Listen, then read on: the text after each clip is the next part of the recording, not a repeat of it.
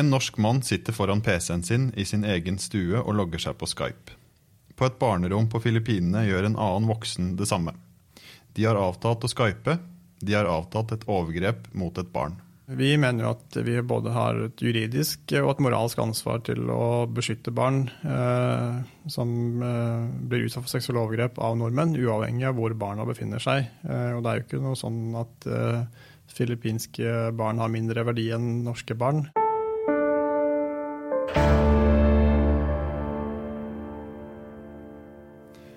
Du hører på Med Kripos på jobb.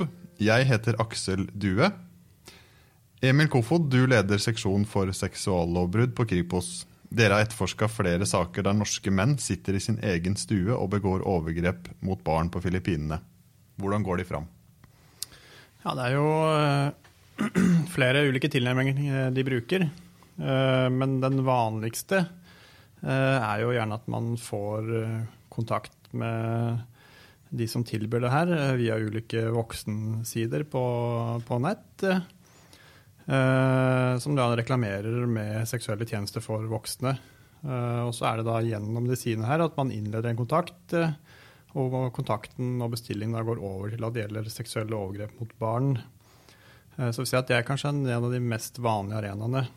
Eh, og så ser vi da at etter hvert som man kommuniserer sammen, så avtaler man type overgrep? Uh, man avtaler pris, hvordan man skal betale. Uh, og når betalingen er gjennomført og bekrefta, så setter man da på en måte en tidspunkt for avtale for når overgrepen skal gjennomføres. Og den norske gjerningspersonen kan da sitte hjemme i sin egen stue og da se på et direkteført overgrep. og normalt altså gi instruksjoner underveis om hva slags type seksuelle overgrep som skal bli begått. Um, kan du si litt om hvordan politiet fanger opp uh, de sakene her? Ja, det, altså, det, er jo flere måter vi fanger de sakene her opp på. Uh, det ene er jo gjennom egne etterforskninger. Uh, det kan være at vi måtte klare å identifisere personer som driver med det her. Eh, fordi vi har en fokus eh, mot den sakstypen. Det kan også være at vi avdekker det i andre etterforskninger som går på sexologer mot barn, eh, hvor vi avdekker at personen i tillegg til f.eks. har lasta ned overgrepsmateriale, også da har bestilt direkteoverført overgrep. Vi har også noen andre kilder. De ser at de ulike betalingsformidlerne, altså de som støtter betaling fra et land til et annet, at de rapporterer inn til eh, politiet eller til myndighetene. Eh, og så er det også informasjonsdeling med utenlandske politimyndigheter, som også vi deler informasjon med og får informasjon fra.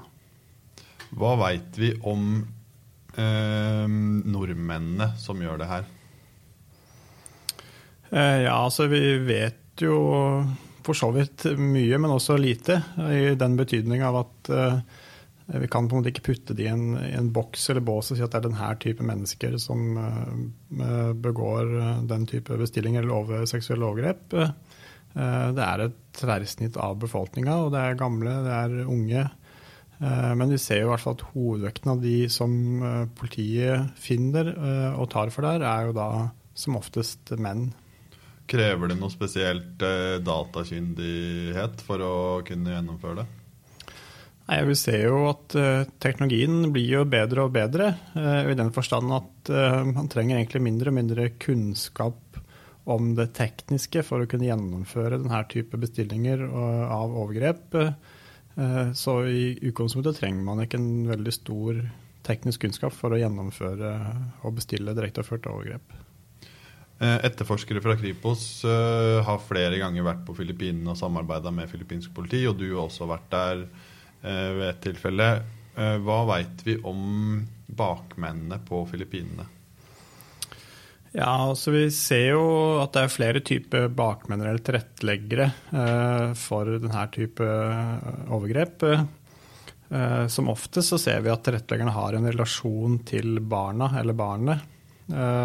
Som oftest foreldrene eller en slektning. Eh, men det er også andre aktører som står bak. Det kan være naboer, Det kan være utenlandske eller lokale halliker. Vi kan også i noen tilfeller si at det er barna selv som fasiliterer det her. Altså Det kan være at de tidligere har vært ofre fra andre fasilitatorer, men på et tidspunkt finner ut at de skal fortsette den, den her type handlinger sjøl.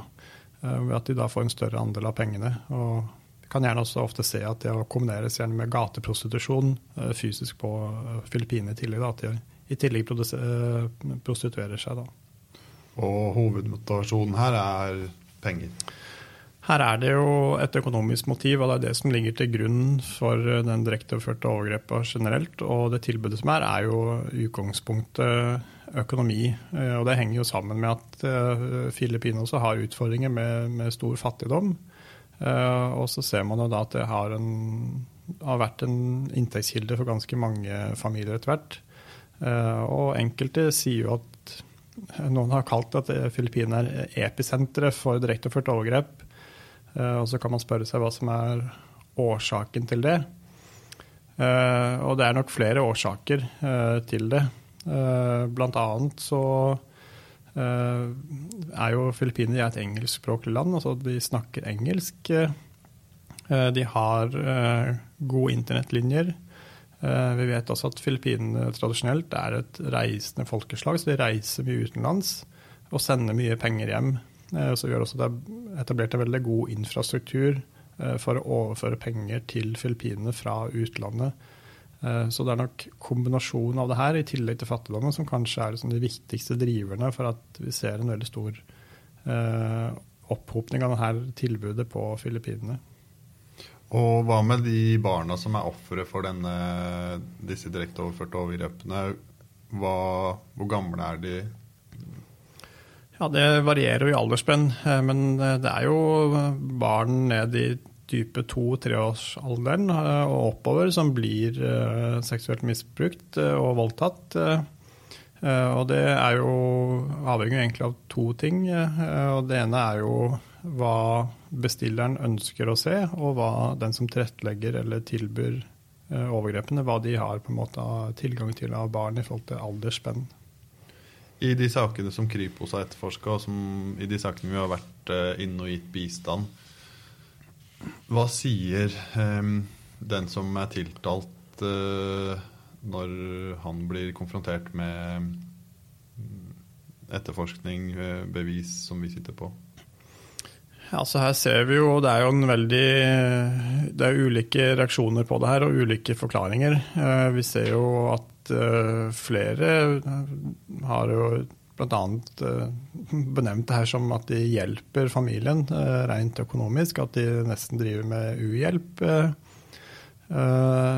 men sånn generelt så ser vi jo ofte akkurat på den sakstypen her at det i mindre grad er en veldig stor måte, anger retta mot ofrene, men mer angeren for sin egen del. At man har kommet i situasjonen som man, som man kanskje ikke hadde planlagt for om vi har blitt tatt av politiet. Eh, som vi ser, i hvert fall i, i mindre grad. Eh, uten at det er forskningsbasert, så er det i hvert fall på erfaring så ser vi at de i større grad eh, har angrende synder, men da mer retta mot at de har fått konsekvenser for dem selv, mer enn for barna som har blitt utsatt for de seksuelle overgrepene. Så det at det er så stor avstand til, til ofrene, at de befinner seg på andre siden av verden, og at det ikke er noe fysisk kontakt, um, gjør det på en måte lettere å, å igangsette et sånt overgrep?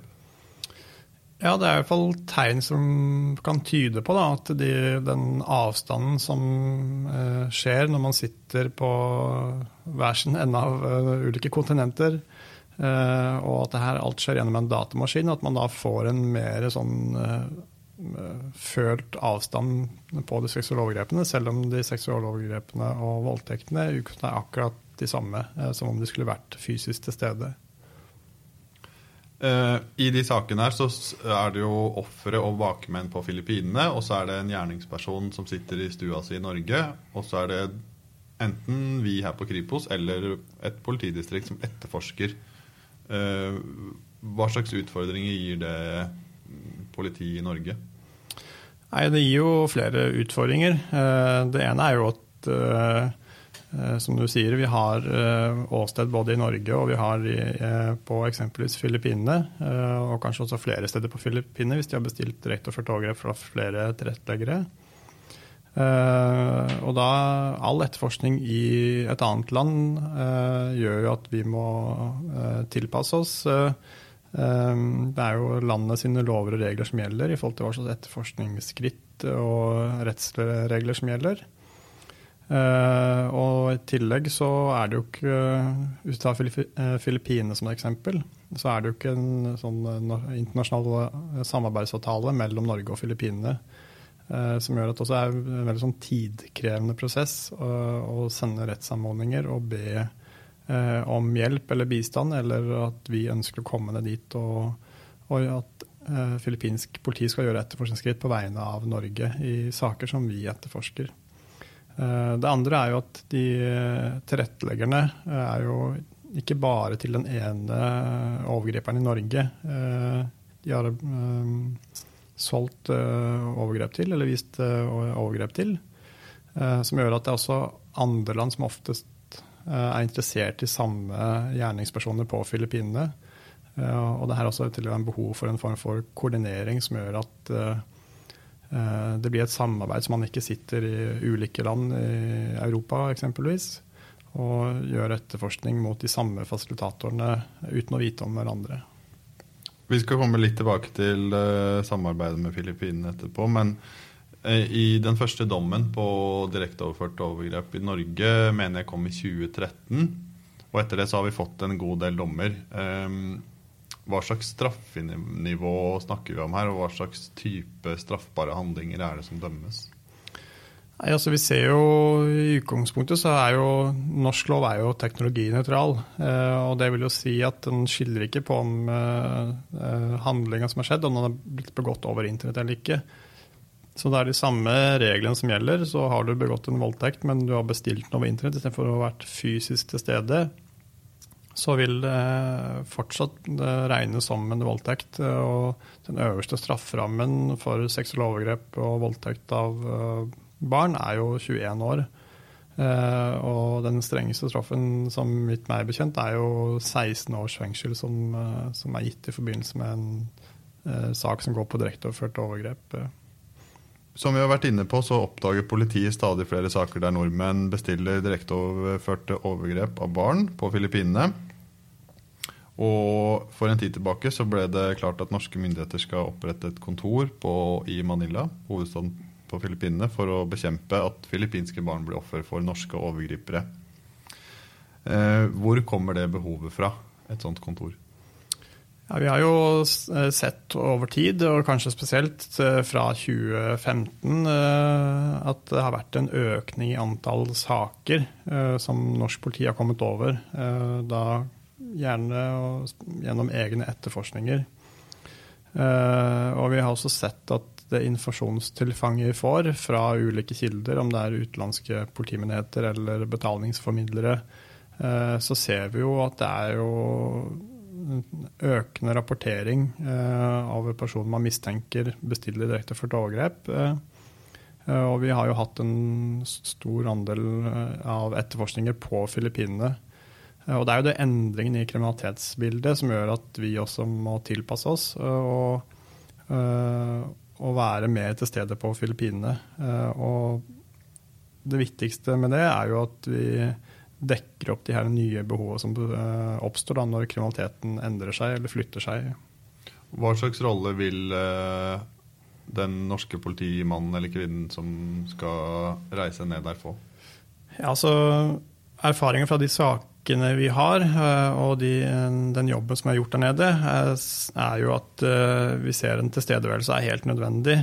Både for å gi de norske anmodningene tilstrekkelig prioritet, for det er jo veldig mange land som etterspør hjelp fra Filippinene når det gjelder direkteoverført overgrep. Vi ser at det er behov for økt samhandling og samarbeid tvers, på tvers av andre lands politimyndigheter som også har tilstedeværelse på Filippinene. Uh, og det er jo veldig viktig i de sakene å knytte de riktige kontaktene på Filippinene hos filippinske myndigheter uh, for å kunne gjennomføre de tingene vi ønsker i våre etterforskninger. og så er det jo det å styrke det samarbeidet som allerede er bra med Filippinene, men du kan styrke det ytterligere ved å få en person til stede der på fulltid. Så vi tenker at det er en nødvendighet både for at vi skal profesjonalisere det vi gjør på en enda bedre måte, men også at ha tilstrekkelig kapasitet til å ta unna det økte sakstilfanget som vi har sett innenfor direkteoverførte overgrep. Du har sjøl vært på Filippinene og møtt uh, ledere i, i nasjonale politiet på Filippinene. Hva sier de sjøl om hvordan de jobber med direkteoverførte overgrep? Altså, det her har jo vært en, eh, et satsingsområde på Filippinene, eh, kanskje spesielt siden 2015-2016, eh, men også kanskje helt tilbake fra tidlig 2000-tallet. Men i de senere år en økt fokus på det.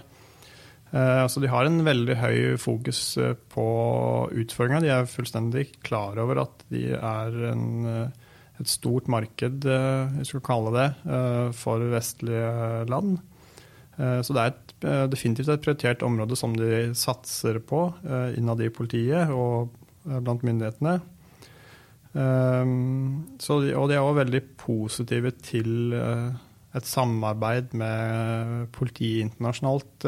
For de har også på en måte innsett at den utfordringen her klarer ikke de å løse alene. Og det henger også sammen med hvorfor vi ønsker å styrke vår tilstedeværelse. Eh, også for å ta Norges del av ansvaret når det er norske borgere som begår eh, seksuelle overgrep og voldtekter av barn eh, i utlandet. Sånn rent prinsipielt, kan du si litt hvorfor norsk politi prioriterer å satse på um, en type kriminalitet som ikke rammer norske borgere? Ja, og det er jo veldig lett å svare på, egentlig. Eh, vi mener jo at vi både har et juridisk og et moralsk ansvar til å beskytte barn eh, som eh, blir utsatt for seksuelle overgrep av nordmenn, uavhengig av hvor barna befinner seg. Og det er jo ikke noe sånn at filippinske barn har mindre verdi enn norske barn. Og det er jo et veldig viktig signal å sende til de som har en seksuell interesse for barn, eller de som er overgripere, eh, at de ikke skal føle seg trygg på eh, noe sted, uavhengig av hvor landet, eller hvor, hvilket land barna befinner seg i. Og så helt til slutt, så som følge av norske etterforskninger, så er det ganske mange filippinske barn som er blitt eh, redda ut av en situasjon hvor de gjentatt på daglig eller ukentlig basis blir utsatt for direkteoverførte overgrep. Um, hva skjer med de barna, vet vi det? Ja, så Det er jo et uh, apparat på Filippinene som skal ivareta uh, de barna som blir utsatt for, uh, for overgrepene. Men det er klart de òg har store utfordringer med det, altså det store antallet ofre, rett og slett. Så er det jo dessverre sånn at det er jo en, det er fortsatt en veldig stor andel av de her tilretteleggerne og barna som ikke blir redda ut. Eh, av overgrepssituasjonen de er i. Eh, men de som blir redda ut, eh, er det et, lagd et apparat for på Filippinene, hvor man har en form for støtte og oppfølging av barna i ettertid. Men det er klart det er, det er jo utfordrende for både for familiene som tilbyr det her det er fattige familier som eh, bor under vanskelige vilkår. Eh, og da er det jo viktig også for norsk, eh, norsk politi, og når vi etterforsker saker, at vi så langt vi kan i hvert fall, da, sikrer oss at de barna som har vært utsatt av, av overgrep fra norske overgripere, at de da får en oppfølging. Og det er jo utfordrende for vår del å på en måte følge opp i ettertid, da, men vi vet at de har en form for støtteoppfølging av uh, ofrene lokalt på Filippinene. Og de som sitter i stua si og enten bestiller direkte direkteoverført overgrep eller vurderer å gjøre det, de skal jo vite at dette er noe som politiet både her på Kripos sentralt og lokalt prioriterer å satse på. Ja, og det her er jo definitivt et satsingsområde innenfor norsk politi, og det ser vi jo også ut fra de sakene vi har etterforska og det nye vi avdekker, at det her er jo noe som er en fokus i norsk politi i dag, både lokalt og på Kripos. Og plassering av en eh, liaison eller sambandsperson på Filippinene er jo ytterligere på en måte med på uh, å forsterke det, at vi har enda større kapasitet til å håndtere de sakene som går i retning av Filippinene. Da avslutter vi der. Takk for praten. Takk.